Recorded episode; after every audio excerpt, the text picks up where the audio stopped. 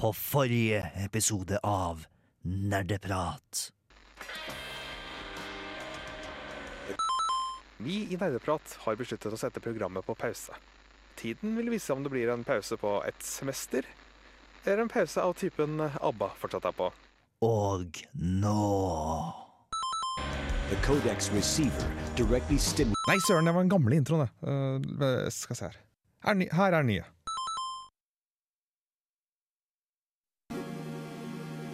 Og nå starter en ny episode av Nerdeprat, spillmagasinet på Radio Revolt.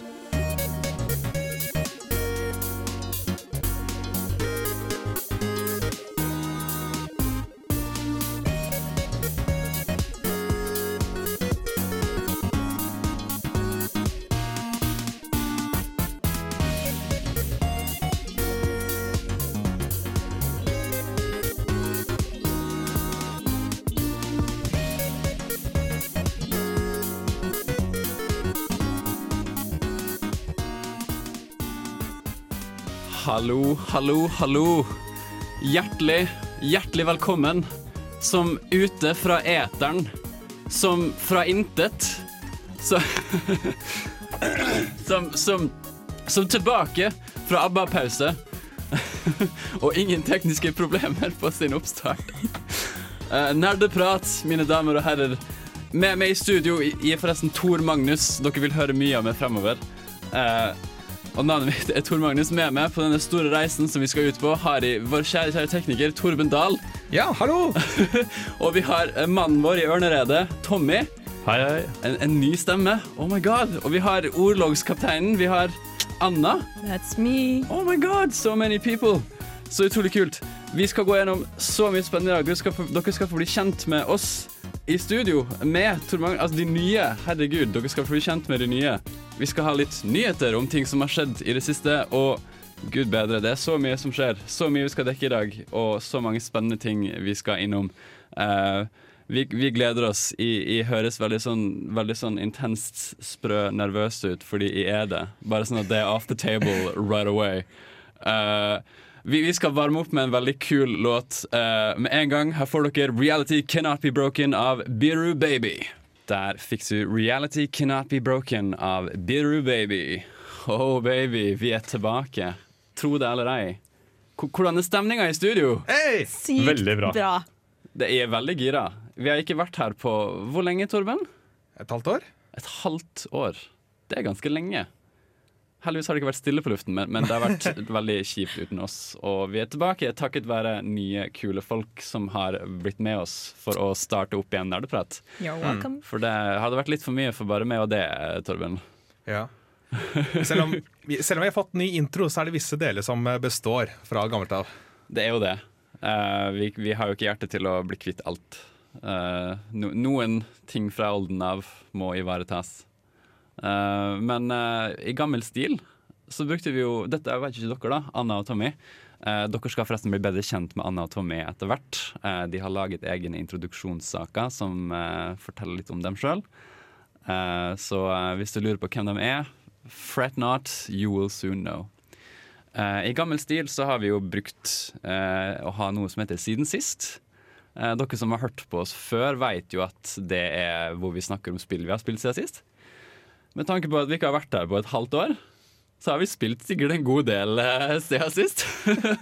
Det er kanskje ikke til alt samtidig. Kanskje ikke til alt, finn høydepunktene. Eh, er det noen som, som har spilt noe siden sist? Ja. Jeg, Hva hva, Torben? Ja. I det siste, ikke det siste, men eh, for et par uker siden så spilte jeg et spill som heter eh, Just Shapes and Beats. ja, det fortalte du meg så vidt om. Hva er det? Det er et, eh, et slags rytmespill Det er litt vanskelig å klassifisere det, for det er, eh, det er veldig musikkfokusert. Men eh, det er ikke sånn at du skal gjøre noe i takt med musikken. Du skal heller unngå hindringer som dukker opp på skjermen. Mhm. Men de hindringene er i takt med musikken. Og, eh, så du skal ikke treffe sånn med rytmen og sånt. Du trenger ikke ha rytmesans, men du, du bør Resten av alt det som skjer på skjermen, er rett og slett bare en kul, stilistisk musikkvideo, og du skal unngå alle de rosa tingene.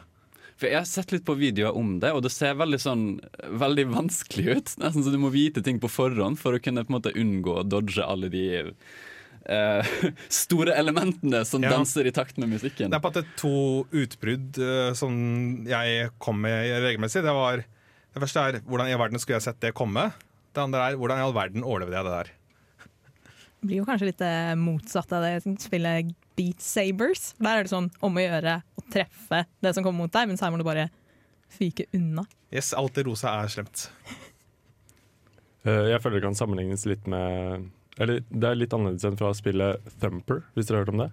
Nei. Det har jeg faktisk ikke hørt om. Hva er Thumper Uh. Thumper er et uh, spill um, hvor du spiller til rytmen.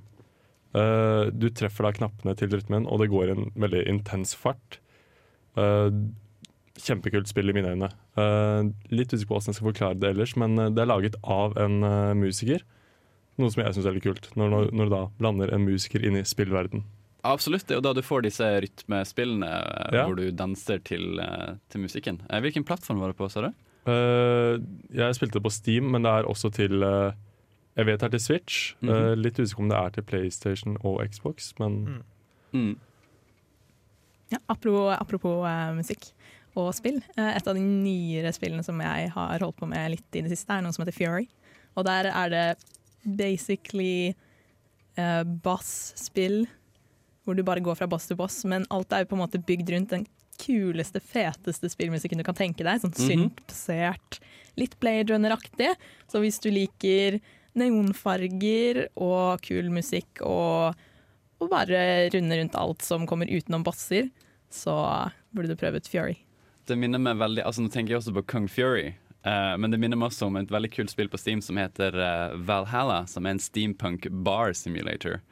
Uh, hvor du sitter i baren som ei som heter Jill, og på en måte håndterer kunder etter hvert som de kommer inn.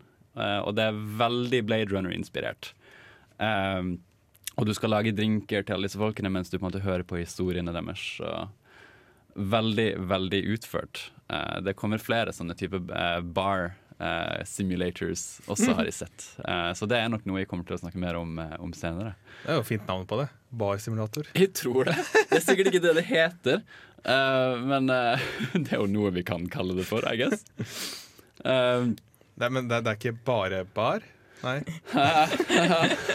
Å, oh! Den første denne sendingen. Det er bare å stå og sette seg. Det er bare å stå og sette seg. Uh, vet du hva, Noen ganger så føler jeg at man står litt sidelengs, og det er ganske morsomt. Fordi uh, nå skal vi få en, en låt som heter I Love You av The Sideways. Uh, de står sikkert ikke sidelengs, eh, men de heter i hvert fall The Sideways. Hvis du holder mobilen litt sånn rart, så står de sikkert sidelengs.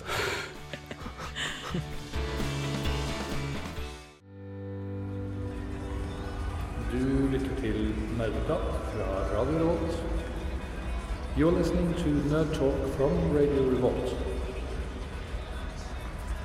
Nå skal vi gå videre til å bli kjent med de nye som er tatt opp i programmet vårt. Eh, en av de som vi skal høre på først her, er en som heter Tommy Lindahl. eh, og han har laget denne introduksjonssaken eh, for oss. Hei. Mitt navn er Tommy, og jeg er ny her i Nerdeprat. Jeg er fra Drammen og går nå på fotofagskolen her i Trondheim. Det jeg har tenkt å utdanne meg som, er reklamefotograf, som er da min interesse innenfor foto. Dere lurer sikkert på hvordan har en fotograf klart å forville seg inn her på Nerdeprat på Radio Revolt? Jo, det har seg sånn at jeg er veldig fan av spill, og er veldig glad i spillutvikling og utviklingen av hvordan et spill er laget. da. Min interesse innenfor spill og spillutvikling er jo spillmusikk, effektene og artdesignet og artstylen i et spill. Law har også en ganske stor betydning for meg. Hvordan lawen påvirker deg, og hvordan historien bak karakterene bygger selve spillet. Jeg har en liten bakgrunn som spillutvikler på Fana folkehøgskole, hvor jeg da studerte eh, spillutvikling. Eh, mye av det jeg kan og har lært om spill, kan jeg pga. at jeg gikk på den skolen. Eh, jeg hadde en veldig flink lærer som lærte bort mesteparten av det jeg kan om spill den dag i dag. Hvor mye av det jeg kan, er det jeg skal snakke om her på Nerdeprat. Mine favorittspill nå for tiden er bl.a. Horizon Zero Dawn, det nye God of War, og selvfølgelig det veldig, veldig flotte spillet What Remains of Edith Finch. Eh, Det jeg liker så veldig godt med spill, er jo da soundtracket i spillene. Eh, Det er det som gir meg best spillopplevelse, og som bare virkelig treffer meg når jeg spiller. Mange andre spill som jeg har spilt før i tiden, som jeg har uh, hatt en stor kjærlighet for, er jo da spill som uh, League of Legends og Overwatch. Uh, utenom det så er jeg for det meste en veldig stor fan av story-based spill for tiden. Eh, andre interesser jeg har eh, utenom spill, er jo da å lese om mytologi, eh, bl.a. norrøn mytologi, og min da største favoritt, gresk mytologi. Uh, noen andre interesser jeg har på fritiden, er jo da å spille gitar, og jeg liker veldig godt å stå på longboard. Min forkjærlighet for spill startet i en ganske ung alder uh, av fire, når jeg da satt i sofaen og så på min mor spille Final Fantasy. Uh, det er et veldig kjent spill som bare virkelig grep meg inn i hvordan, liksom, hvordan artstyle og musikk har en så stor betydning for spillet. Deretter, når jeg da var fem år, spilte jeg mitt aller første spill, som var Digimon World. Dette var jo et spill som jeg bare fant utrolig spennende og veldig catching. Jeg spilte dette spillet en god stund etter å ha trent min femte Digimon og mitt femte save i Digimon World. Så begynte jeg å gå litt lei det, eh, etter å ikke ha skjønt nok om det. Jeg fikk julen 2003, min aller første Gameboy, med spillet Pokémon Ruby. Dette spillet fikk meg så hektet at jeg spilte gjennom de, de neste generasjonene av Pokémon-spillene til jeg var 15 år. Det er et spill jeg holder veldig kjært i mitt hjerte og alltid kommer til å like og alltid kommer til å se tilbake på. Det er uten tvil et veldig nostalgisk spill for min del. Andre spill jeg spilte samtidig som jeg spilte Pokémon, eh, var da spill på PlayStation 2. Som jeg da, hvor jeg da spilte veldig mye alt fra Ratchet Clank-trilogien til eh, Jack and Dexter-trilogien, Final Fantasy og mange andre veldig story-based spill. Senere, et år etter at det hadde gått litt vekk fra spill, begynte jeg å plukke opp spill igjen. Og da begynte jeg å plukke opp eh, Moba-spillet League of Legends. Etter å ha spilt League of Legends i tre år, kom jeg da til folkehøgskolen Fana, hvor jeg da lærte mer om spillutvikling. Og jeg ville da utvide min kunnskap om spill og spillutvikling. Eh, veien min gjennom spill og spillutvikling har vært veldig lærerik, men hvor veien går nå, det vet jeg ikke. Men det vil tiden vise her på Nerdeprat.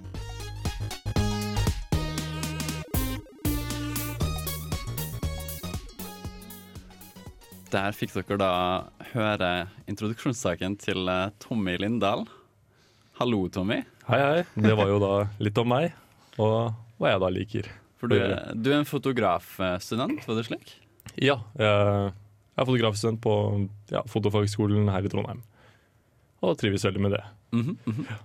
uh, som sagt, det, er jo, det høres litt rart ut at en fotograf plutselig skal ende opp på nerdeprat og snakke om spill, men eh, jeg synes jo da Jeg finner jo spill veldig fascinerende og bare kjempegøy. Eh, Du, du, du havna jo her fordi vi syns du passer bra, da, så det er jo ikke, det er jo ikke helt eh, bom, vil jeg Det- si. Ganske bra treff, egentlig. ja, det er bra. blink, blinkskudd. Ja, men det er godt å høre. At jeg ble tatt inn fordi jeg passet bra inn. Det er flott. Men fotofagskole er bare for å bli fotograf? Hva slags studie er det, egentlig? Eller, eh, Um, du studerer jo eh, da eh, alt fra fototeknikk til fototeori, og da liksom Ja, det å bli en bedre fotograf og lære mer om liksom hvordan bruke kamera på riktig måte, da. Finne Har du, har du ett tips du kan gi til oss vanlige dødelige fotografer? Oh. Oh. Um, komposisjon har mye å si. Komposisjon og lys er det jeg ville fokusert mest på. Mm. Uh, for å få bedre bilder. Mm -hmm. Slett at det ikke, ikke nødvendigvis noe du trenger å gjøre med kameraet ditt, men eh, rett og slett bare det du tar bilde av. Da. Ja. Uh, for eksempel eh, finn de små detaljene som for eksempel eh, hvis du, hvis du ser at et bilde har for eksempel en vannflaske i veien, Mm. og det ikke blir estetisk pent, flytt hele vannflasken. Akkurat sånn som moren min sier hver eneste gang hun skal ta bilde, og jeg har vært så irritert hver gang, men nå ser jeg at hun faktisk har et poeng. Ja, Bare få bort alt rotet, så blir det bra bilder. men av og til så er det faktisk bra med litt grann rot også. Sånn, det er greit å ha litt grann i et bilde som gir det litt mer texture og litt mer dybde. da. Eller ja. Det blir litt hjemmekoselig. Ja. Uh. Mm. Eh, Jeg vil komme på en ting. Da. Det, er, det er mange spill, flere og flere spill om dagen, som uh, har uh, en uh, såkalt photo mode. Altså at du kan ta bilder inne i spillet. Stemmer. For eksempel det nyeste Spiderman-spillet. Så kan du ta bilder med Spiderman. og også Super Mario Odyssey har jo for eksempel det. Er, er, det noe som interesserer deg ekstra mye? Eller hvordan? Ja, altså jeg syns det er veldig gøy, for jeg har jo faktisk vært innom og sett på det nye Spiderman-spillet som vi har, nå har i hus Stemmer, der jeg bor. stemmer. Ja. Um, og det, er det er et oppdrag som går ut Det er, det er flere oppdrag skjønt, som går ut på at du skal ta bilder. Uh, det som overrasker meg mest, er at det liksom, bildene blir liksom faktisk ganske bra. sånn, de, de ser liksom ut som bare ah, Du skulle ikke tro det om Spiderman, liksom. At han på, på turen nedover forbi bygninga bare Ja, ja. snap! Det er liksom, du, Det er jo én ting at eh, Peter Parker er jo journalist, og da må du jo ta noen bilder selv, sikkert. Så han har det i seg. Ah, Eh, I det spillet her, så vidt jeg har skjønt, så jobber han ikke som journalist. Ah. Det har tatt litt uh, lengre tid fremover enn det vi Er det den yngre Peter Parker, eller er det den Det er den gamle vi er kjent med? Ah, okay. Her så er han 24 år, så vidt jeg har skjønt. Er på vår alder. Han er, ja, på vår alder. Uh, så ja, det, han jobber i hvert fall ikke som journalist nå lenger, så vidt jeg har skjønt. i spillet. Er de fleste superhelter journalister? Uh. Jeg tenker Supermann jobber jo for et avisbyrå. Men hva er det med superhelter og deres uh, attraction til liksom journalister, egentlig? Men, men Tommy, eh, du snakket litt om spill du liker òg. Nå husker jeg bare Digimon World her. Eh, Hva var det du på en måte husker som var liksom det, det største spillet for det? Og det største spillet. Det som virkelig har gjort en endring i livet ditt? Eller? Og, ja, det var det, da. Jeg Ta Digimon World, da, hvis du ikke husker noe. Nei, altså, det var kanskje ikke det som gjorde den største endringen i livet mitt, men eh, det var vel kanskje Pokémon jeg Mm. Hvis jeg skal uh, ta det, fordi jeg har brukt uh, godt over altfor mange timer på det. På uh, Gameboy Color Advance, på- eller Uh, Gameboy Advance. Mhm. Eh, det liksom satt dag inn dag ut og spilte det i mange, mange år. Det var liksom det som virkelig For det hørte jeg, det var intromusikken litt grann til Ruby and Sapphire. Ja. All right. Hvilken av var det Ruby Sapphire eller Emerald du spilte? Eh, jeg nevnte det i introsaken, jeg, at det var Ruby jeg fikk til eh, julen 2003. Uh, og det var jo det som Jeg hadde jo spilt, eller prøvd noen Pokémon-spill før det, men det var da jeg liksom fikk mitt eget Pokémon-spill, og det var Ruby, da. Kan bare kjapt spørre hvilken Pokémon-starter er din Ja. favoritt? Til å spørre. Eh, av alle generasjonene. Ja, ja, kanskje. Ja, både Kan, det kan og Ruby. først, først ta Ruby and Sapphire. Okay, på Ruby. Oh, eh, det må nesten bli den aller første jeg starta med, som var uh, Treecon, tror jeg han het. Trico. Treeco. Yeah. Treeco. Gresstarteren. Ja, Mm. gresstarteren. Som Eh, blir til Growile. ja, Og så avsluttes med å bli til Septile. Septile, ja. Nei, var ikke det et annet spill? Nei. Okay, Det ja, nei, det er jeg som blander. Ja. Torben! Jeg vil bare kommentere at man hører med en gang hvor ultranerder vi er, og jeg digger det. altså For de som ikke har fått det med seg, dere hører på Nerdeprat. Eh, hvis dere skal høre på Postblues-kollektivet, så er det etter vi er ferdig. Eh, så nei, men eh, så ap Apropos startere, da. Ja. Er, det, er det andre startere du liker bedre fra og andre generasjoner? Min aller liksom min aller største favoritt. Det er jo ikke bare favorittstarter-Pokémon, men det er favoritt-Pokémon min òg. Det er jo Charmander, som da Ah. utvikler seg til Charizard etter hvert. da Ja. Og det er, det er min favoritt. Uh, mye pga. TV-serien også, faktisk. Av Pokémon-TV-serien? Ja, Pokémon-TV-serien. Uh, jeg hadde jo eh, sin Charizard der, som jeg bare Det var den jeg ble skikkelig glad i, da.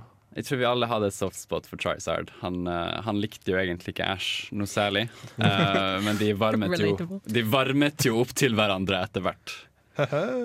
Eh, Jeg har en liten teori uh, på det, som blir forklart i spillene. Eh, og det er jo da at der har det, Når du ikke har slått så og så mange gymmer, så kan du ikke ha en Pokémon eh, til, til et visst level. da. Mhm, mhm. Eh, hvis du har tradet den. Eh, vi skal få høre mer fra Tommy etter hvert. Eh, vi har en annen person som heter Anna her i studio, som også har laget en introsak til oss. Eh, dere skal få høre hennes introsak snart. Men før det så skal dere få Monster med Hollywood.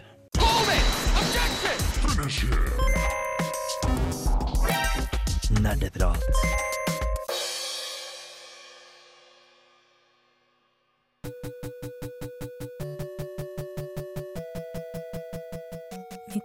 Første spillminne er fra huset til bestemor og bestefar. Litt bortgjemt i en av hyllene lå en Nintendo Game Watch fra 1982 med spillet Donkey Kong. Denne obskure lille saken ble min introduksjon til ikke bare en av de mest ikoniske spillkarakterene i historien, men også til en helt ny verden av underholdning. Grafikken og lyddesignet var svært begrenset, men gjennomført. Og sammen med de doble skjermene og den enkle spillmekanikken trakk det meg inn i en ny og spennende verden av moro som fikk meg til å sitte oppslukt i timevis. Den dagen konsollen trakk sitt siste sukk og måtte hives, var en sorgens dag for meg. Trass denne første spillopplevelsen ble aldri Nintendo min spillkonsoll. Jeg ble oppslukt av Pokémon på TV og er veldig glad i Zelda-serien i dag, men jeg har ikke noe nostalgisk forhold til det som barndomsspill. Det som skulle vise seg å bli min favorittkonsoll og faste følgesvenn videre i livet, var PlayStation. PlayStation ga meg banebrytende og herlige opplevelser, som Naughty Dogs Jack and Daxter, som ble min andre store spillopplevelse. Senere levde jeg meg inn i den vakre, men dystopiske verden og tragiske historien i Bioshock Infinite. Kanskje viktigst ble jeg bedre kjent med indiespill og de kreative og annerledes spillopplevelsene denne sjangeren har å by på.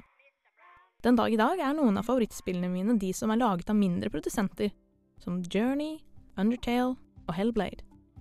Journey er en kort, men intens og emosjonell opplevelse jeg sent vil glemme, som fikk meg til å filosofere over liv og død. Undertale fikk meg til å tenke over etikk og moral, ved å oppmuntre til å bli venn med fiender framfor å beseire og drepe dem. Og Hellblade satte meg i rollen som en kvinne med vrangforestillinger, som til tider var ubehagelig, men samtidig en viktig og annerledes måte å formidle psykiske lidelser på. Det var særlig sistnevnte spill som rørte meg som psykologistudent, og fikk meg til å tenke over hvordan spill kan være mer enn bare underholdning. På den ene siden er jeg ganske overfladisk i spillsmaken min. Jeg tilbrakte hundrevis av timer med Skyrim, delvis på grunn av de storslåtte nordisk-inspirerte landskapene, og ble umiddelbart tiltrukket den neonfargede pikselkunsten i Hyperlight Drifter.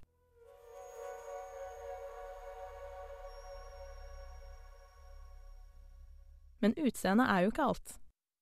Grafikken kan være det som fanger interessen min og får meg til å begynne å spille, men det er stemningen, karakterene og den historien og verden jeg blir dratt inn i, som får meg til å bli.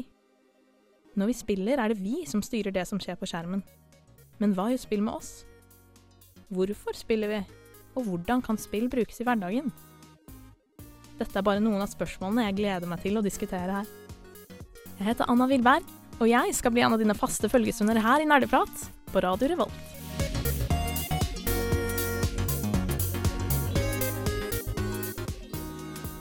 Der fikk dere altså høre introsaken, introduksjonssaken til Anna Willberg. Wow, det var jo kjempekult. Jeg følte meg litt som programleder på slutten der. På Radio Revolt. En dag kan det godt hende du blir det. Altså det noen må erstatte med en i går herfra en dag. Det skal jo være i Trondheim en stund framover. You know. Så utrolig kult. Du, du nevnte veldig mye om psykologi.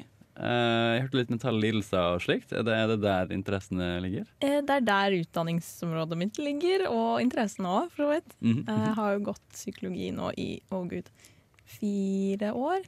Og begynt på profesjon nå, eh, her ved NTNU. Så, Ja, for du byttet over fra vanlig til profesjon? ja, fordi jeg fant ut at jeg er så lei av å bare ha teori. Jeg har lyst til å prøve meg på praksis også, og Mm. faktisk finne ut av hvordan du skal anvende alt dette du har lært om. da. Og ikke bare sitte og lese eller og forske på ting. Eh, Så jeg bestemte meg for å prøve, og så kom jeg inn, og ja. Det er jo utrolig kult. Eh, jeg hørte også noe snakk om Mr. Game and Watch. Ja, det å, Fortell, Jeg- fortell. Jeg har jo ikke akkurat lest meg så mye opp på den i etterkant og funnet ut hele historien og sånt til den lille konsollen, men jeg husker det så godt fordi det var en liten oransje boks som lå i hyllene hjemme hos bestemor og bestefar. Og vi var der ganske ofte da, da jeg var yngre. Og jeg ble så fascinert av at ok, du åpner den, og det er to skjermer, det er ikke bare én skjerm. Og du trykker på knapper, og da beveger denne lille personen seg opp disse stigene og hopper. Ja, ja, akkurat! Fordi det var ikke noe soundtrack der som jeg kan huske, men du hadde Nei. de veldig ikoniske lydene, ikke sant? 8-bit-lyden som jeg har blitt så glad i siden.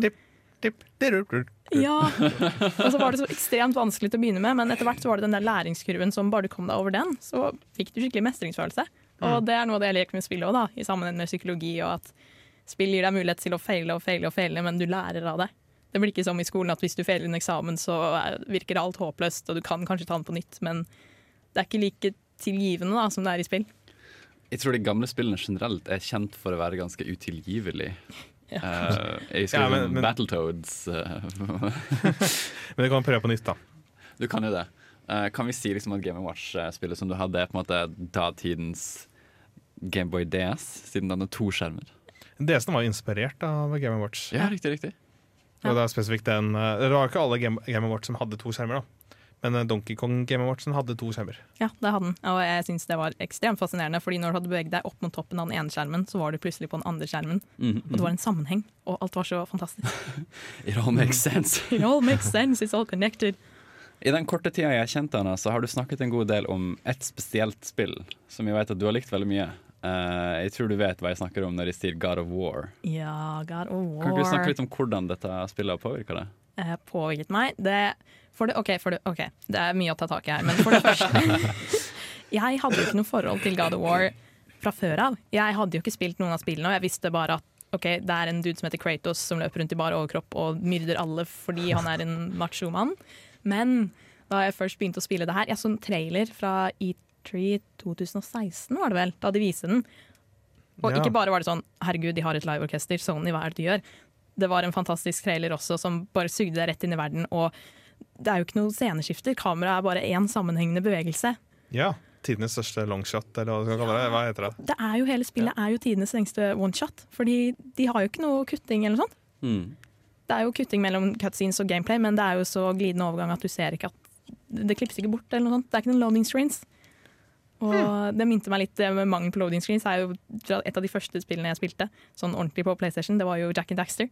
Og Ja. det er lagd av Naughty Dog, da, som siden lagde Uncharted og alle de store spillene. Men Mm. det som var så kult med Jack and Daxter, var at uh, der var det heller ikke noen loading screens. Det var cuts, uh, cutscenes og så noen loading screens, men sånn, når du bevegde deg rundt i verden, så var det ikke at hvis du gikk inn i det området der, så måtte du vente i ett minutt. Og det var ganske revolusjonerende på den tiden, og jeg syns det var så fascinerende. Så God of War har virkelig eh, gjort et nummer på det. Ja, nå snakket jeg litt mer om Jack and Daxter, men God of War er jo Oi, fantastisk. Jack Dexter. Ja. Beklager, jeg zoomer ut allerede. Det, det har ikke gått en, det har litt over en halvtime, og Tor Magnus er ute. Se der. Ja, er. Men uh, ja, Så du har fått litt mer interesse for cinema, det cinematiske i spill, da, eller? Det er ekstremt viktig for meg, fordi som jeg sa, jeg er uh, veldig opptatt av at det ser pent ut. Jeg er litt Mm. uh, grafikkhore, som jeg liker å kalle det. For du, du har jo jobbet litt med grafisk, eh, egentlig. Uh, sånn her eh, hvor vi holder til, foruten å si for mye. Ja, litt, ja. Men ikke noe sånn animasjon. Jeg har ikke peiling på hvordan man animerer spill eller noe. Det det er noe jeg har lyst til å sette meg inn i, men jeg kommer aldri til å holde på med på det selv. Men eh, estetikk, jeg har en estetisk sans som Mm. med en gang gjør at å, det spillet der vil jeg prøve. For eksempel neonfarger, da. Jeg nevnte Hyperlight Drifter, og det er et utrolig vakkert spill. Aha, aha. vet ikke om noen av dere har spilt det?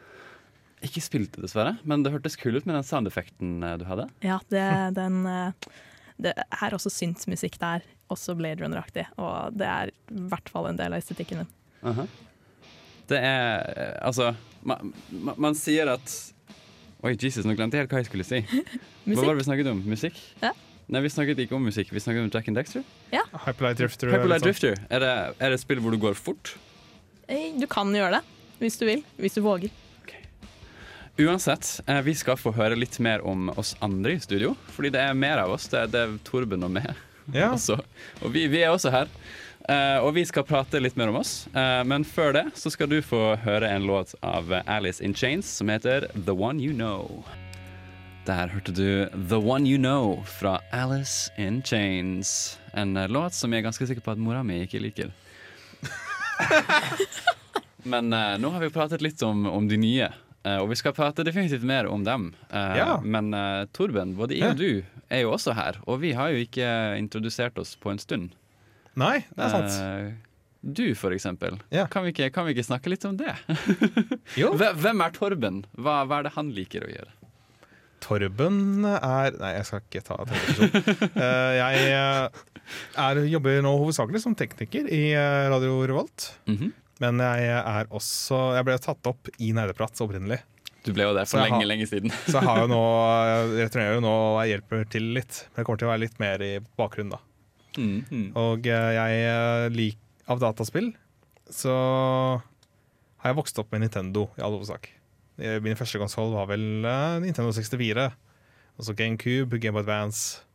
Og så har jeg bare fulgt Nintendo-linja videre. da. Eh, Torben, hva er ditt yeah. sånn favorittspill innenfor Nintendo? Eller hva er, det, hva er det spillet som gir deg mest nostalgi innenfor Nintendo? Nostalgi, så er det definitivt Pokémon Ruby. Oh. Mm, Fordi- da får dere noe å snakke om. Ja. Ikke så mye fordi at Jeg tror ikke det er så En, en ting er spillet, selve spillet, som er nos nostalgi for. Men jeg tror det er veldig så mye opplevelsen jeg har hatt med spillet. Med I skolegården og med, Mm. å kjempe, med venner og sånt. Og jeg, jeg som satt på rommet mitt med, i lag med noen venner med instruksjonsboka til Pokémon Ruby for å dekode braille-mysteriene Ja. i, uh, for å Sånn, eh. unlocke Reggie Eyes til de her. Oh, ja. Hva med noen av de andre Nintendo-gigantene? Sånn Zelda og Donkey Kong, for den saks skyld. Var det noen gang noe du traff på i barndommen? Selda var aldri noe jeg ble ordentlig slukt eller prøvde det noe særlig. Du skjønner at Jeg tror jeg var litt sånn pysete. Jeg var fortsatt litt pysete. Altså, Super Mario 64 så synes jeg at den første bossen, den på toppen av fjellet med alle de kulene og sånn, Bob Bomb Battlefield Mm. Han, Den musikken som kom når jeg skulle kjempe mot han, det syns jeg var skikkelig skummelt. Så det synes ikke jeg, jeg synes ikke det var noe særlig gøy. Så liksom Selv når jeg har spilt uh, Ocarina of Time 3D på 3DS-en uh, nå jeg gikk på videregående, så syns jeg det var litt ubehagelig å gå gjennom f.eks. Forest Temple eller uh, den uh, mørke tempelet.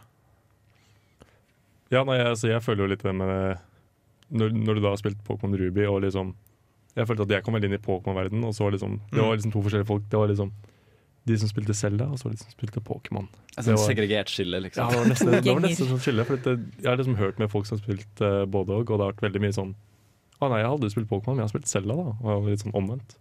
Men med Pokémon så hadde du jo også den kulturen rundt TV-serien og Ja. figurene du kunne Ja. samle på, og kortene du kunne Ja. spille med sånn fysisk. Og Selda hadde jo egentlig ikke det, så jeg skjønner jo litt at man kanskje følte seg litt utenfor hvis man var Selda-fan og mange andre var Pokémon-fan.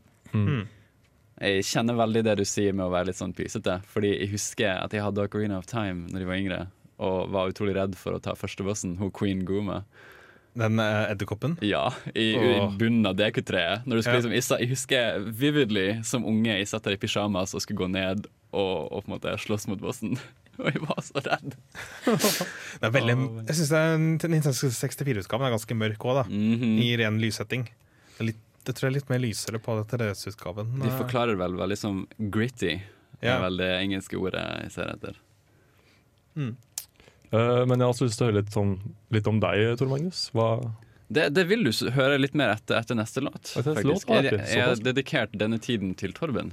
Torbenstund. Oh. Men tusen takk for at du spør, det er veldig hyggelig. ja. ja, så koselig.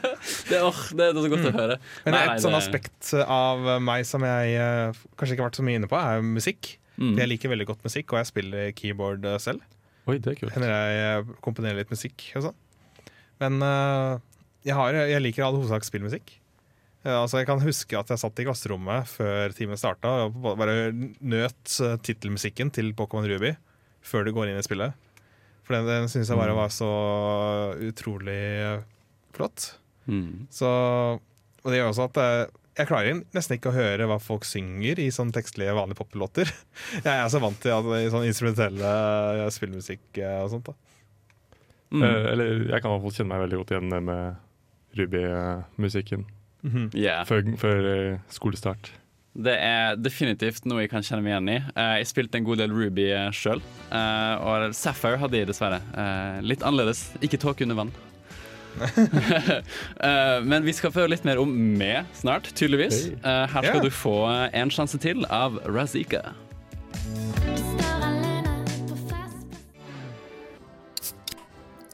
Artig at ungene på Radio Revolt, ja. Der hørte du en sjanse til av Razika her på Nerdeprat. Eh, og vi driver jo og introduserer oss sjøl i bøtter og spann. Ja, nå har vi fått introdusert alle, har vi ikke? Vi har Nei, jo vent. det. Eh, da kan vi gå videre til neste låt. Neste.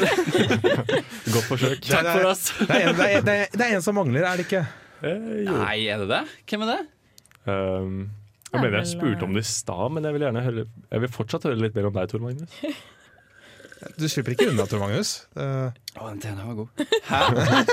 Eh, jo, uh, det er jo alltid slik at en programleder er litt sånn ydmyk. For du trenger ikke snakke om meg, ikke sant? det går fint. Barna mine først. Altså, Jeg har ikke barn på ekte, men jeg mener da nerdepratbarna mine i studio. som jeg er veldig glad i. Eh, men jo, navnet mitt er Tor Magnus. Eh, de fleste kjenner meg som TM. Eh, Enkelt og greit, siden det er mye raskere og enklere, enklere å si. Uh, jeg eh, har en veldig stor forskjellighet for spill. Jeg har ikke fått spilt så mye i det siste siden jeg begynte på studiet, men jeg prøver å spille nye ting, eh, i hvert fall regelmessig nok til at jeg kan være her på Nerdeprat og forsvare det såpass. Um, en av spillene som i eh, Eller de, den spillene jeg virkelig vokste opp med for meg, var Nintendo, sånn som med Torben. Eh, Jeg hadde Gameboy Color, eh, jeg hadde Nintendo 64, jeg fikk GameCube. Eh, Jeg brukte en god del tid på Pokémon. Å gud, det var mange timer jeg brukte på Pokémon. Eh, Jeg hadde, Helt fra starten av med Pokémon Red så var jeg med. Eh, Så Pokémon kom liksom ut på et perfekt tidspunkt for meg, da. Som uh, markeds-target, skulle jeg si. Uh, markeds, målgruppen. målgruppe, riktig, riktig. Um, Jeg misunner jo de som faktisk var, liksom, fikk oppleve Pokémon Red og liksom fikk oppleve starten av det. Så ja, for du gikk akkurat glipp av det? Jeg gikk eh, dessverre glipp av det. Uh, jeg er født i 97, det var vel, eh, Mm. det var vel året før det kom ut. Uh, ja, altså Det kom ut i 90, 97 eller 98, tror jeg. Ah, kom det, ja, kanskje det var 98. Fordi Sølv og gull kom ut i sånn 99-2000. Ja, Ja. Rundt der, ja. Det minner meg på det, Hvor gammel er du? Ja, vi kan være Jeg mener, hvor alder, ung da. er du? Eh, fordi eh, jeg, jeg bruker jo spøk om at jeg er så gammel. Det er jo folk som er eldre enn meg, så klart. Og hvis jeg spøker om alderen min, så er det jo folk i 40-årene 40 som bare Haha, ja, du tror du er gammel, ja. Eh, men jeg er så gammel som eh, 26 år. Eh, jeg ble født i 1992, 2. mai, eh, på et eh, sykehus eh, utenfor Molde. Eh, en by som vi ikke har noe til overs for i dag, uh, egentlig. Uh, men min mor bodde der en stund. Nå bor hun ikke der lenger. Eh, og på min fars side så er det bare engelske folk. Jeg er da halvt engelsk. Eh, Det er kult. Så det er jo litt å skryte av. Jeg er litt stolt av det. Eh, han var fra Bristol, eh, mens mora mi da er fra Sunndalsøra, som er litt lenger ute i kokk. Så hva blir da en sånn ordentlig Bristol accent? Og det er vanskelig. Jeg har aldri helt klart å naile aksenten. Uh, jeg kan jo brit engelsk, så klart, men uh, ifølge kusina mi, som jeg snakka med for ikke så lenge siden i Bristol, uh, så har de litt mer sånn eh, eh, Litt mer trykk på r-en, fordi de, de er jo veldig nært Irland, ikke sant? Så det er litt som bergensk? Nei, ikke Ah. egentlig. Altså, på engelsk så har du en R som du ikke uttaler. Eh, når du skal for eksempel si eh, eh, smør på engelsk, så vil du på amerikansk si butter. eh, butter. Mens på engelsk så får du jo butter. Butter. butter Det R-en er på en måte ikke der. Eh, Men TM, du, du nevnte litt at du vokste opp med Nintendo. Jeg lurer på, Hvor er du vokst hen? på? Hvor, hvor er det, hva, hvor hva, har jeg vokst hen? Jeg hvor, har hvor, hvor er det, hva, hva er det du spiller nå for tida? Det er PlayStation. Jeg har måttet tatt et valg eh, fordi Switch og PS4 kom ut eh, i så å si samme tidsramme for meg når jeg hadde mulighet til å kjøpe en av de. Ja. Og jeg måtte velge. Oh. Det var ikke et lett valg. Eh, det kommer ut gode spill på begge, eh, men jeg tok valget PlayStation 4. ja.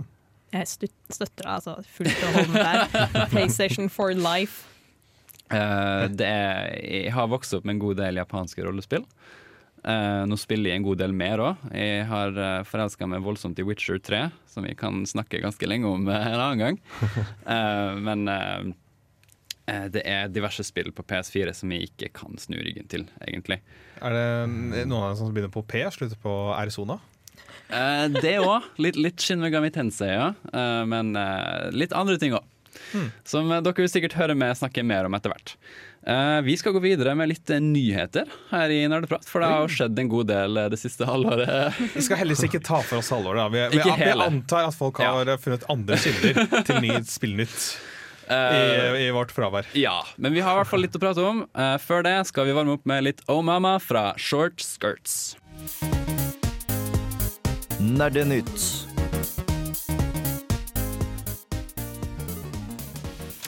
Velkommen, velkommen til Nerdenytt. Uh, I dagens aktuelle sending har vi mange viktige nyheter å ta for oss. Uh, nei da, jeg skal ikke snakke sånn tulledialekt. Uh, nyhetsstykket, for de som ikke kjenner til det, er der vi tar opp uh, nyheter som har skjedd. Uh, aktuelle Aktuelle og av og til med litt gravende journalistikk, hvis det er ting vi finner som interessant. Ja, Gravende som at vi har gravd på internett. Ja, vi graver ikke fysisk i jorden med spade. Eh, det hender at noen av oss gjør det, men da er vi kanskje veldig bakfull. Um, eh, eh.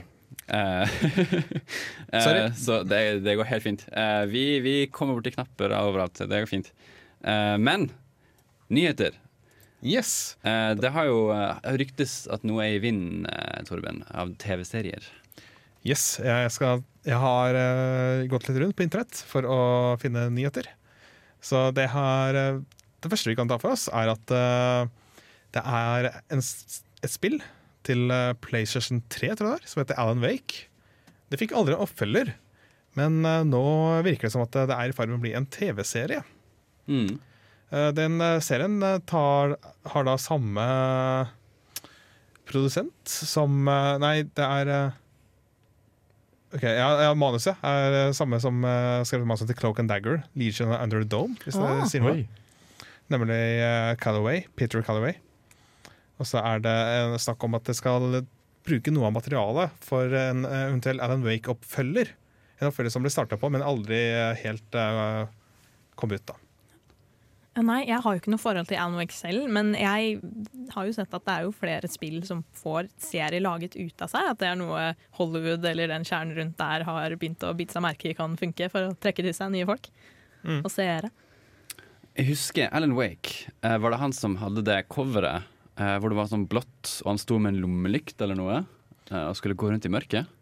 Det kan godt stemme. Han er gjerne med, i hvert fall fremstilt med en lommelykt. Var han sånn detektiv eller noe sånt? Jeg husker ikke helt. Det er ikke, jeg, det er Nei, ikke et spill jeg har spilt heller. Jeg har et veldig dårlig forhold til han sjøl. Jeg bare husker at uh, når vi solgte spill Jeg, jeg jobbet litt i både GameStop og Game uh, for lenge siden. eh, kunne jeg for så vidt nevnt. Uh, og da solgte vi en god del spill, blant annet Alan Wake. Eh, jeg husker i hvert fall at det var Alan Wake i hvit font. Så det var liksom, I og med at du husker det fortsatt, så er det sånn estetikk som det kan være lett å lage logo av og selge nå. Ja, kanskje det. Det er jo lov å håpe på at eh, for, for de som eh, kanskje var litt skuffa over at det ikke kom en oppfølger, så kanskje, kanskje dette kan være et nytt håp, da, hvis det viser seg at det er eh, stort publikum som har lyst på mer Alan Wake. Mm, mm. Det går liksom i en sirkel. Går fra spill til serie til nytt spill. Yeah. The circle of games. Det er jo ikke det eneste vi har om TV-serier, da. Eh, jeg vet ikke om dere har fulgt med om uh, hva som har skjedd med The Witcher-TV-serien. Uh, altså annonsen om det i Ja. det siste. Ja. Eh, de sier jo at castingen er likt, og at det er hun som presumably antagelig skal castes, uh, castes Siri, som da er Geralt sin adoptive datter, eh, skal castes av en mørk eller en asiatisk kvinne. Ja. Mm. Jeg tror ikke det her er bekreftet på noen som helst måte. Eh, men YouTube, eh, som jeg ser det, tar i hvert fall helt av. Bare, this, is, this is complete rubbish! eh, og masse sånne videoer. Men det er jo alltid en situasjon som er veldig sensitiv, og det blir alltid mye oppstyr rundt det. Fordi på den ene siden så har de jo folk som har et skikkelig forhold til spillet fra før av, Mm. og har tydelige forventninger på hva de vil at folk skal se ut som. På den andre siden så har du jo folk som kanskje er asiatiske selv, eller asiatamerikanere, og, og føler at ja, vi har lyst til å se flere som oss på skjermen, og det blir konflikter ut av sånne ting. Eh, Men du hadde vel også andre nyheter, eh, Torben? Det var ikke meningen å hijacke med TV-serier eh, her. Nei. Uh, vi har jo vært inne på Pokémon allerede. Mm -hmm.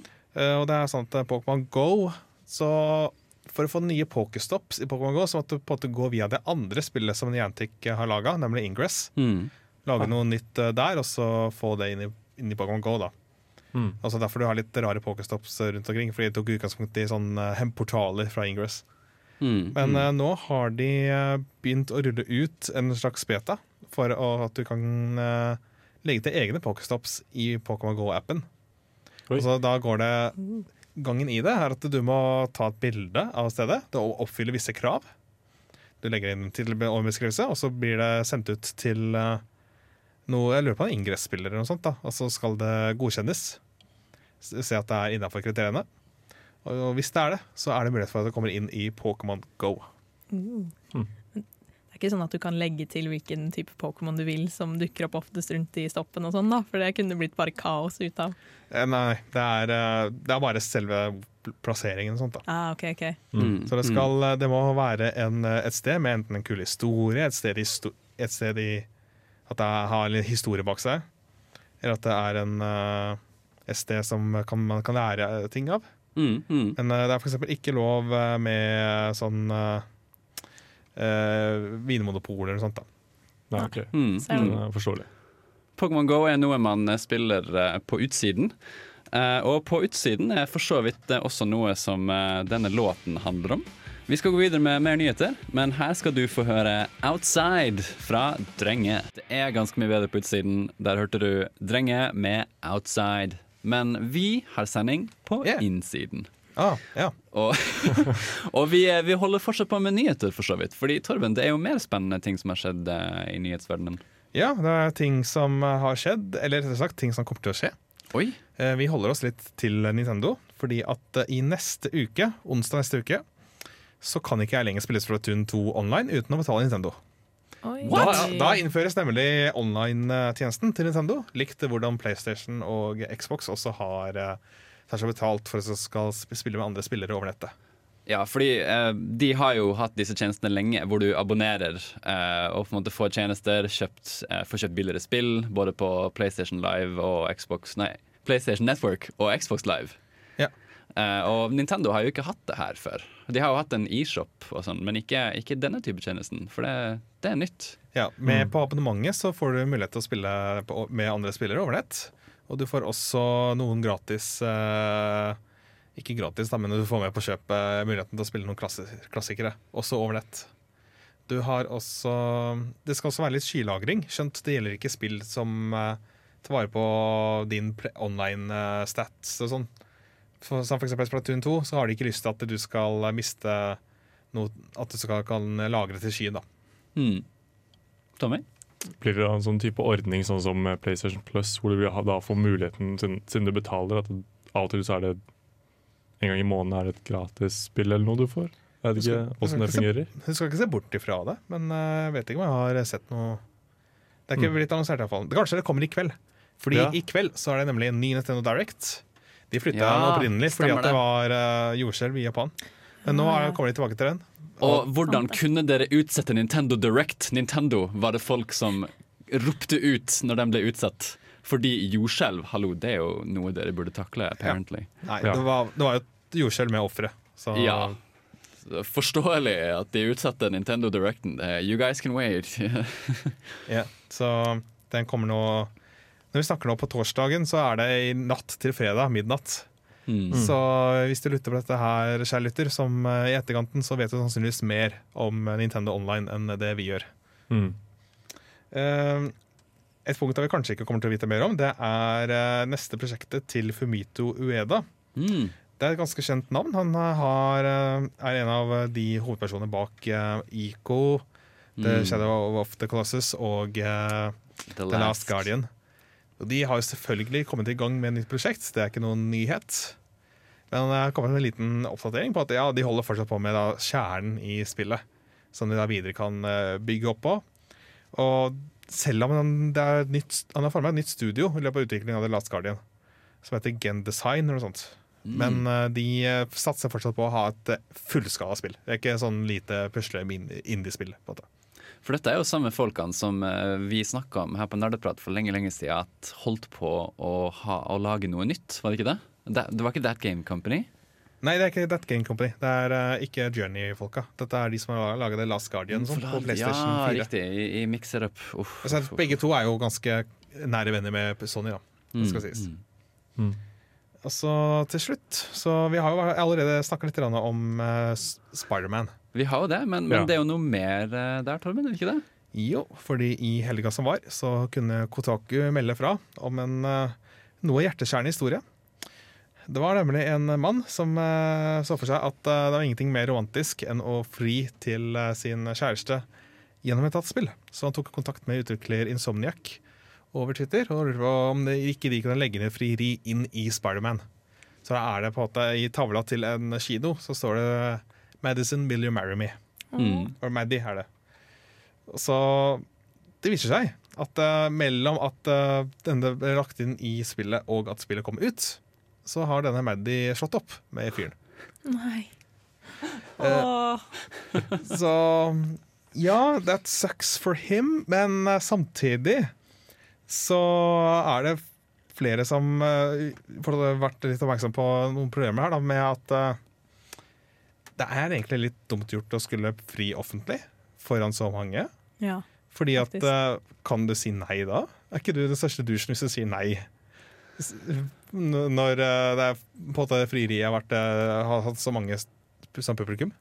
Jeg føler det er en ganske risky move å ta hvis man ikke kjenner partneren sin godt nok.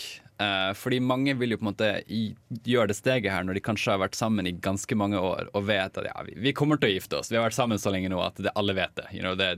Det er ikke noe problem. Eh, litt, litt skeptisisme i, i, i stemmen din, Torben. Ja. Men, men det er det jeg tror, da. Sant? Eh, nå vet jeg ikke hvor lenge disse to var sammen.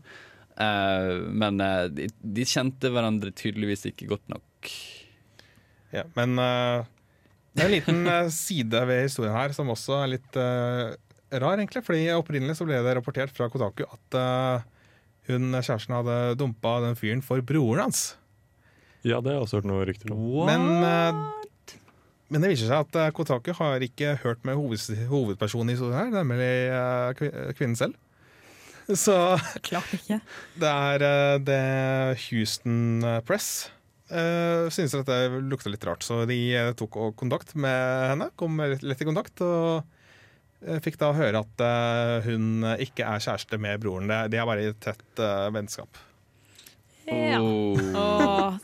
Så nå, nå er originalartikkelen korrigert og litt hvert, da. Så Men- liten blemme der. hun må jo Jeg ha tror, jeg tror man kan si at, eh, at denne hovedpersonen, eller denne, denne fyren, broren, fyren At denne fyren eh, ble noe man kaller uh, burned. Uh, veldig morsomt nok så skal vi nå høre på en låt som heter 'Brent' av Brenn. Uh, Altså, bandet heter Brenn. yeah, her på Nerdeprat. Du hører på Radio Revolt, studentradioen i Trondheim. De lytter til Radio Revolt, studentradioen i Trondheim. Det gjør du. Eh, Der fikk du høre 'Brenn' med Brent, etterfulgt av eh, Company Inc. med 'Crew'. En låt som jeg tror min mor eh, likte vesentlig bedre. For det er jo alt som teller. Uh, nå har vi jo snakka en god del om oss. Vi har snakka litt om uh, nyheter. Uh, spennende ting som har skjedd, og litt katastrofale ting som har skjedd. For, for noen som ikke fikk gifte seg. Men nerdeprat i seg sjøl har vi ikke snakka så mye om. Nei. Eh, fordi eh, Tommy og Anna, dere kjenner jo på en måte nerdeprat bare som nerdeprat. Stemmer Ja. ikke det? Det stemmer. Det Men, stemmer veldig. men Torben, Ja. det het jo ikke nerdeprat hele tiden. Akkurat da jeg ble med, så hadde programmet bytta navn akkurat da til Nerdeprat. Mm. Fra tidligere Kontroll Alt Elite. Fordi at eh, Kontroll Alt Elite var litt vanskelig å søke på internett og finne radioprogrammet. Det stemmer. Eh, Hva- Kontroll Alt Elite eh, var det det programmet het eh, i 2005. Da det ble starta opp av Knut Sørheim og Håvard Vibeto. To Mm. eh, litt sånn eh, computer eh, nerds, som vi forsto det. Da, Som, da vi fortsatt hadde lokaler oppå Samfunnet under Ja. loftet der. Riktig, riktig. Det lille, lille rommet. Uh, og de holdt på dette navnet her, Kontroll Alt Elite, uh, fram til 2015. Ja, begynnelsen av 2015. Så mm Eh, og siden da ble det nerdeprat. Jeg var jo tatt opp like etterpå, så jeg kjenner jo det også egentlig bare som nerdeprat. Så de holdt på i ti år.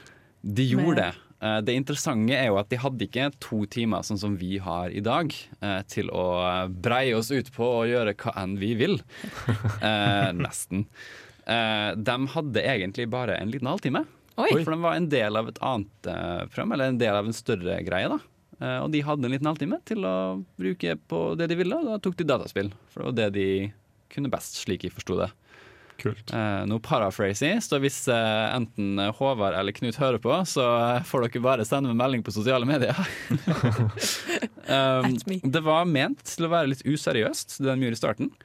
Eh, det var en halvtime som skulle fylles, som sagt, ja, med hva som helst. Eh, så de tok dataspill. Eh, det er en litt morsom historie bak det her. Hvis dere går inn på nettsida vår, så vil dere helt nederst på Nerdeprat sin Radio Revolt-side se noe som heter Nerdeprat, nei, Kontroll Alt Elite Krønikene. yes. Som er da fire podkastepisoder som forteller historien om eh, Kontroll Alt Elite eh, og litt av folka som har vært gjennom det. Oi. Anbefaler dere å sjekke ut det på det sterkeste. Eh, jeg fikk bare tiden til å høre gjennom en av dem eh, for, for å forberede meg til det her. Men det som jeg plukka opp som var litt morsomt, var at på et tidspunkt, når de ville ha lengre tid på lufta, fordi en halvtime er jo ikke nok. Folkens, let's, let's face it. Så endte de opp med å blackmaile redaktøren eh, med nakenbilder. Oi. Så hvis dere lurer på hvorfor vi har et totimersprogram, eh, så er det derfor.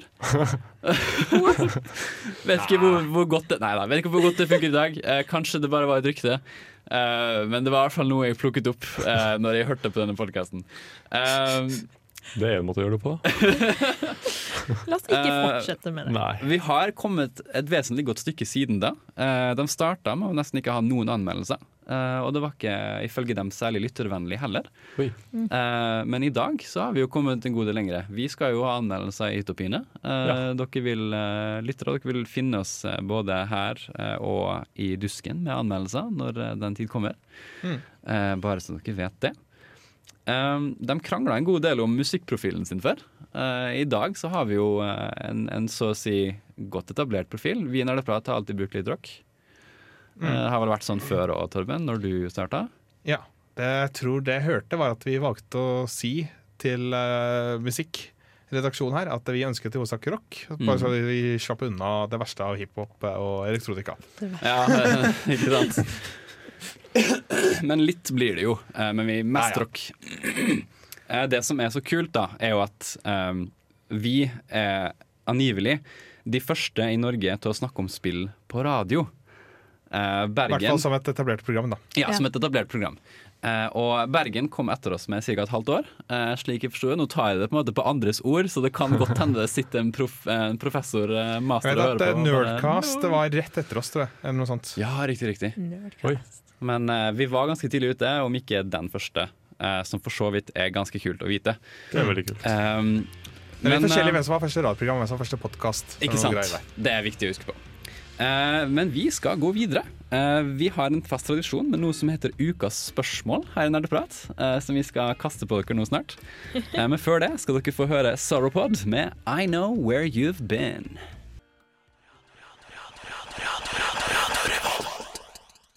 Dab dab dab dab dab dab. Dab dab dab dab dab dab.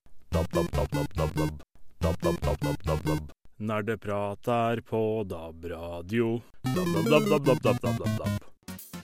Når innså du at du var en gamer? Dersom du kunne spilt kun et spill i et år Hva er det eldste spillet i backloggen din? Hva har du lært fra spill som du har fått nyte av i Er det et spill som har hjulpet deg gjennom en tung periode av ditt liv? Hva er ukas spørsmål? Ukas spørsmål, mine eh, damer und herren, er noe som vi har brukt og hatt før. En, en gjengående tradisjon. Hvor vi har et spørsmål for uka som folk i studio må svare på. Ukas eh, spørsmål som jeg har kommet med til dere nå, eh, går som følger. Dere har alle fått en jobb i eh, en deltidsjobb i en barnehage. Ah, Dere okay. skal eh, passe på å oppdra et eh, lite barn på fire-fem år. Alright. Og dere har lov å ha med dere en spillkarakter som skal hjelpe dere å ta vare på denne ungen. Oi. Eh, jeg vil vite hvem det er, og hvorfor. Hvem har lyst til å kastes ut i ilden først? Anna? Det, det, ok, det, det blir et eksempel fra en, en, eh, en serie jeg personlig ikke har spilt, men som bare umiddelbart slo meg at barnepass, det må være Ja. passende. Så eh, titulære karakteren fra Hitman-serien. Fordi hvis han får betalt for det, så kan han være den beste bodyguard noensinne. Og det kan du Sånn selve Hitman-karakteren? Ja. Hvorfor ikke? Agent 48, var det han heter? Eh, Seven. ja. Seven, seven. ja, et annet. Ja. 47. 74. ja, for du skal passe på de barna her, du skal ikke drepe dem, liksom? Nei, men jeg mente Altså, OK, det kommer an på motivasjonen hans, men hvis han får betalt nok, og så greit, du skal være bodyguard for denne ungen, så tar han den jobben seriøst. Han virker som en, en kar som tar jobbene sine seriøst. Men, men bodyguard og barnepass går jo ikke helt inn i hverandre, føler jeg.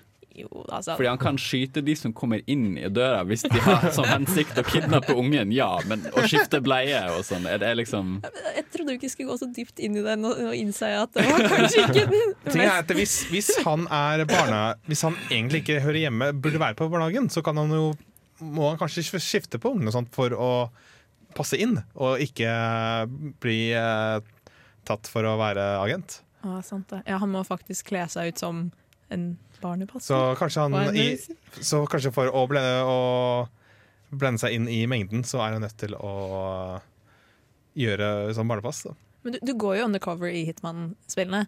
Ja. Eh, så jeg føler han burde ha god trening i det. Han kommer til å lese seg opp på forhånd over hva som trengs å gjøres i den settingen, og så er vi good to go. Jeg, jeg er bekymra, men fortsatt veldig interessant. Eh, Tommy? Ja.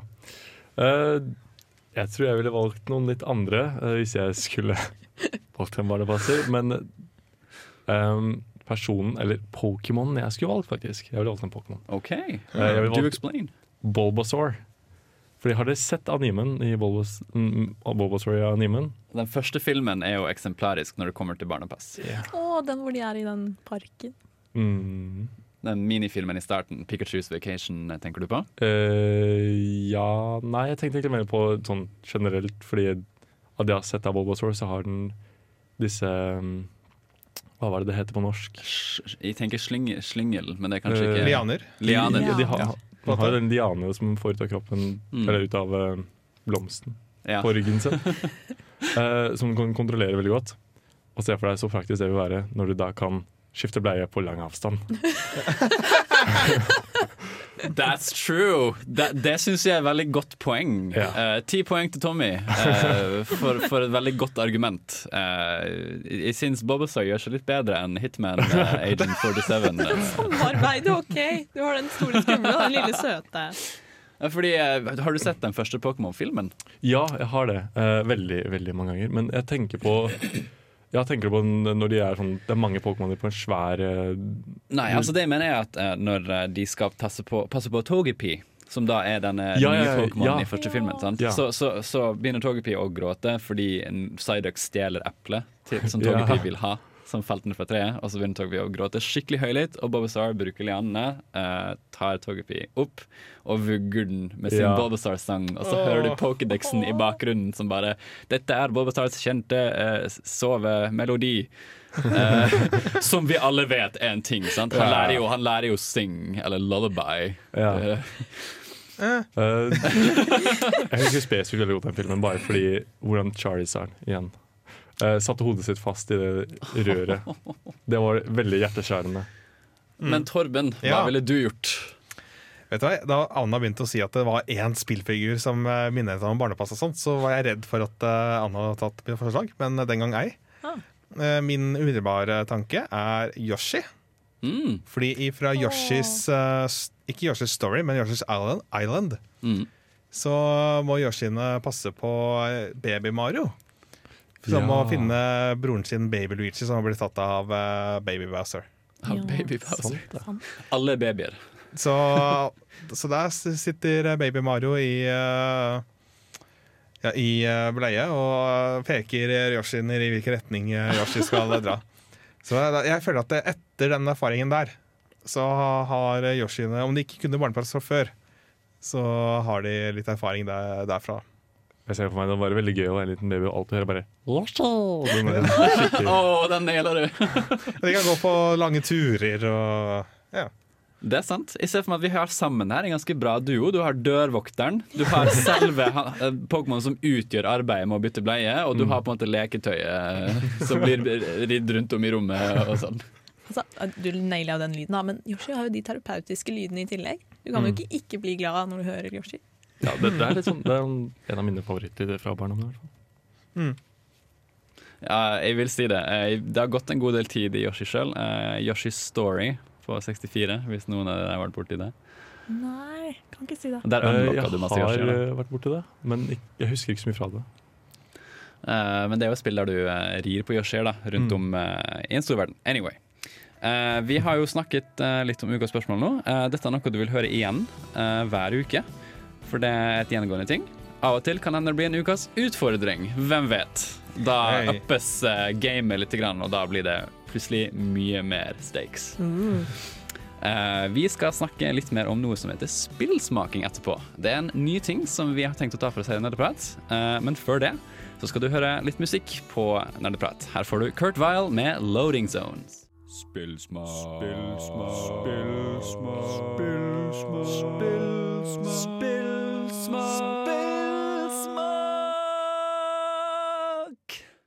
Spillsmaking med nerdeprat.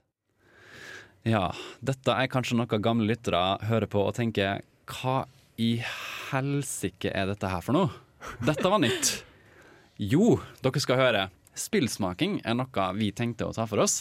eh, for lyttere av Filmofil eh, så gjør de noe på slutten av hver sending hvor de snakker om eh, filmer som de vil anbefale for uka. Eh, Som folk kan se på. Eh, Jeg tenkte at dette kan vi også adaptere til Nerdeprat. eh, Hvor vi anbefaler litt sånn spill for uka som folk kanskje burde sjekke ut, som vi har bemerka oss. Som vi syns er kule. Mm. Eh, En idé som eh, hvis navn for så vidt ble pitchet av Tommy.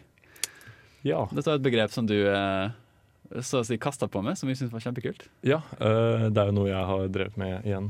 Uh, da jeg gikk på folkehøyskole, så drev vi veldig mye med spillsmaking. Funka det på samme måte som eh, her omtrent? Uh, det blir jo veldig sånn at vi satte oss ned uh, en gruppe uh, og basically bare prøvde ut et nytt spill som en eh, gjerne hadde spilt før, og så satt vi bare og diskuterte litt sånn hva som var kult med spillet og sånt. Eh, og litt sånn, ja, tok for oss ah, men hvorfor er det en bra ting i spillet, og liksom spilte gjennom det og diskuterte litt her og der. Mm, mm. Kjempekoselig. For å sette ballen i gang. Eh, jeg har jo sett det litt rundt omkring. Uh, jeg spiller jo ganske mye Celeste uh, her om tiden, men jeg tenker det er noe jeg skal anmelde til en annen gang, for det er ikke så superaktuelt tidsmessig. Men jeg har sett på noe nytt og spennende som har kommet opp på radaren min her. Noe som heter Cyborg Seppuku. Oh. Dette ser ut som et slags åh, Hva heter det? Du vet de gamle spillene hvor du skal klikke, og så går karakteren din bort dit. De gamle Space Point and Quest click, Point and click-spillene. Ja. Ja. Selvfølgelig. Point and click. Come on. Um, et sånn type spill som heter Cyborg Seppuku, hvor du er en cyborg uh, som har nettopp uh, blitt uh, slått opp av med din kone. Og jeg tror i hvert fall det, hvis ikke går helt feil. Du skal i hvert fall finne kona di igjen, fordi hun har gått bort fra deg. Og eneste måten du kan finne henne igjen, er ved å komme deg ut av byen du er i. For å komme deg ut av byen du er i, så må du bli kvitt alle implantene dine. For å bli det de kaller en plain skin. Mm. Da en person uten implanter. Mm. Uh, så det, det er en litt sånn uh, interessant historie om hvordan du skal finne your last love uh, ved å på en måte regain your humanity. Mm. Eh, stilen så utrolig kult ut. Eh, den var veldig dystopisk. Eh, veldig inspirert av eh, ting som Blade Runner, tror jeg. Eh, jeg snakket jo så vidt om det tidligere her. Eh, kan dere gjette at det er min interesse? um, det er et spill eh, som eh, har kommet ut for sånn tolv dager siden eh, på Windows og Linux. Og det er bare å gå rett inn på nettsida, som heter The Outer Zone, og laste det ned. Slik jeg forsto det. Kult. Eh, så det, det er i hvert fall noe jeg har bemerka med, som er utrolig stilig å se på. Jeg så litt på gameplay sånn i, sånn i stad. Det var veldig mye narrativ. Det så nesten litt ut som en sånn eh, Ikke helt visual novel, men nesten. Fordi i de gamle point and click-spillene så var det jo veldig mye tekst. Jeg har ikke spilt så mange, men jeg har sett uh, Dan fra Game Grumps spille en del uh, Space Quest, og da går det jo en del tekst. Mm. Er det, men det er i hvert fall jeg har bemerka, som jeg syns er kult. Så check that out. Er det noen andre som har bemerka noe kult noen uka? Noe du vil anbefale til våre kjære lyttere? Jeg skulle ønske at, eh, at jeg hadde det, men eh, spilling den siste uka Jeg har bare ikke hatt tid, rett og slett. Ja. Men uh, veit at jeg kommer til å lese meg opp på ting som kommer ut uh, kanskje i løpet av neste uke. Sånne små indiespill og sånt som ser ut ut som de er up my alley. Uh, ja, altså jeg har et litt større spill som akkurat nylig kom ut. Som jeg da kan anbefale, fordi jeg har sett mye på det og vært med på å spille litt i Mhm. kollektivet mitt. Og det er jo da selvfølgelig det nye Spiderman-spillet. Ja. Uh, jeg kan faktisk anbefale det veldig. Uh, jeg var faktisk en av de som var veldig, veldig skeptiske på det. Fordi uh, jeg var redd for at de ikke skulle klare å liksom få til at det ble en god flyt på spillet. da. Men eh, jeg syns de har gjort en ganske, ganske bra jobb, sånn både med grafikkmessig og vel, musikkmessig så er det jo Spiderman-musikk, liksom. Det, I de gamle Spiderman-spillene så kunne de jo på en måte eh, suse rundt selv om det ikke var bygninger. At han bare skøyt noe vev opp i luften, og så fortsatte du på en måte ut i eh, Ja. Nå gjør jeg en veldig rar bevegelse i studio, eh, men at han bare på en måte sveivet seg rundt eh, over parken, på en måte. Ja, Er det um, likedan her òg? Her så er det litt mer, det, jeg synes det er mye bedre flyt på det. Du eh, får jo da Du bruker da begge eh, hendene i spillet Mhm. til å liksom slenge deg rundt. Og så kan du da eh, det jeg Det jeg kaller et super eh, liksom, Hva skal man kalle det? Et superslyng, kanskje? Hvor Superslyng. Ja, um, du hørte det her først. uh, Hvor du da liksom bruker litt ekstra kraft for å skyte enda høyere opp i været. Så du da liksom kan eh, Så du da mye lettere kan liksom gå fra bakken til liksom en ganske høy posisjon da, i en høy bygning, og bare kommer deg høyere opp eh, veldig mye lettere. Mm. Og så går det bare veldig fluentlig gjennom hele byen. Kjempegreit. Hadde du noe på hjernen, Torunn? Nei, jeg har bare, egentlig bare hørt mye snakk om Spiderman, så Mm. Ja, for det har vært mye oppe i luften nå. Uh, Ja. Hvilke plattformer eh, kan du få det på? Det er PlayStation 4. Yes, det er PlayStation 4 exclusive, så vidt jeg har skjønt. Ah. Ja. Så det er, vel, det er jo skaperne av eh, Å gud, hva heter det? Det er skytespillet på Sony. Det barnevennlige skytespillet. Det barnevennlige skytespillet. Ja, Der du skyter såpebobler. Ratchet and Clank. Ja. ja det er, jo, det er samme Det er de Insomniacs som oh. står bak. Det som er kult, er at de har faktisk brukt eh, mye av eh, de samme greiene Altså mye av de samme ideene bak Ratchet Clank-spillene i Spiderman. En sånn type layouts og sånn, tror jeg. eh, Hvis jeg ikke tar helt feil. Eh, og så er jo da combat-systemet, eh, som jeg syns faktisk var ganske bra, men det er jo også brukt i eh, Arkham-serien. Mm. Batman Mm. Arkham-serien. Så de har, ta, de har brukt samme combat-system eh, som det er, Mm. så vidt jeg har skjønt. Ja, jeg så jo bare litt uh, gameplay da Jacksepticeye spilte, og combaten der så helt fantastisk morsomt ut. Det var bare all over the place og kunne ha det så mye gøy. Ja, det er tydeligvis ekstremt mye du kan uh, gjøre der. Uh. Enda en god grunn til å kjøpe PlayStation 4. Ja, Eh, Men tiden flyr ifra oss. Fly, flyr ifra oss. Flyr ifra oss. Eh, vi tenker vi skal ta en liten getaway. Her får du Darwin Dees med 'Getaway'. Der fikk du Tøffel med 'Tunneler'.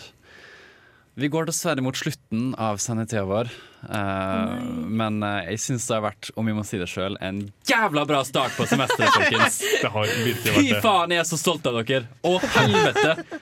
Beklager, mamma. Jeg, jeg, jeg må bare si én ting. Ja. Jeg er så jævlig enig! Ja, I know!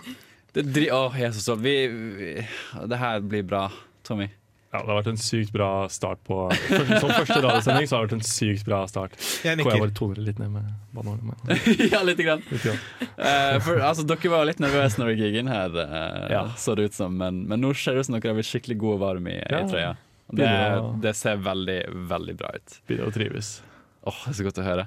Uh, vi er nødt til å gi litt shoutouts òg, vi. For det er Ja. visse folk som må krediteres for gode grunner. Ja. Eh, åpningsmelodien vår eh, er jo en vi har fått lov å bruke av en som heter Carl Brueggemann. Yes. Som er en del av eh, The Marcato Bros. yes du kan, de har en egen musikkpodkast også, som jeg kan anbefale. Ah. De har gitt oss lov til å bruke låta 'Pie In The Sky' fra Mm. albumet Micropower. Veldig kult album. De har masse kult òg. bare sjekk de ut. Vi, vi, vi, vi promoterer ikke fordi vi får noe tilbake, det er bare fordi de er kule. Så you know, ikke, ikke don't sue me. Eh, en annen utrolig kul fyr som for så vidt burde få en shout-out, eh, gode gamle Øyvind. Jeg vet ikke etternavnet ditt, Øyvind, men du ga oss eh, noen tokens eh, på WorkWork helt tilfeldig, fordi du var der når vi tok bilder som vi la ut på Facebook. Veldig stilig. Vi, vi er veldig glad i deg, Øyvind. Eh, du er en kul fyr. Eh, etterpå kommer PBK. Eh, neste uke skal vi ha om psykologi i spill. Følg med da, det blir dritkult. Men inntil da du, hører, du ser oss neste uke. Tusen hjertelig takk fra Torben, Tommy, Anna og meg. Take care, guys. Ha det. Ha det! Ha det!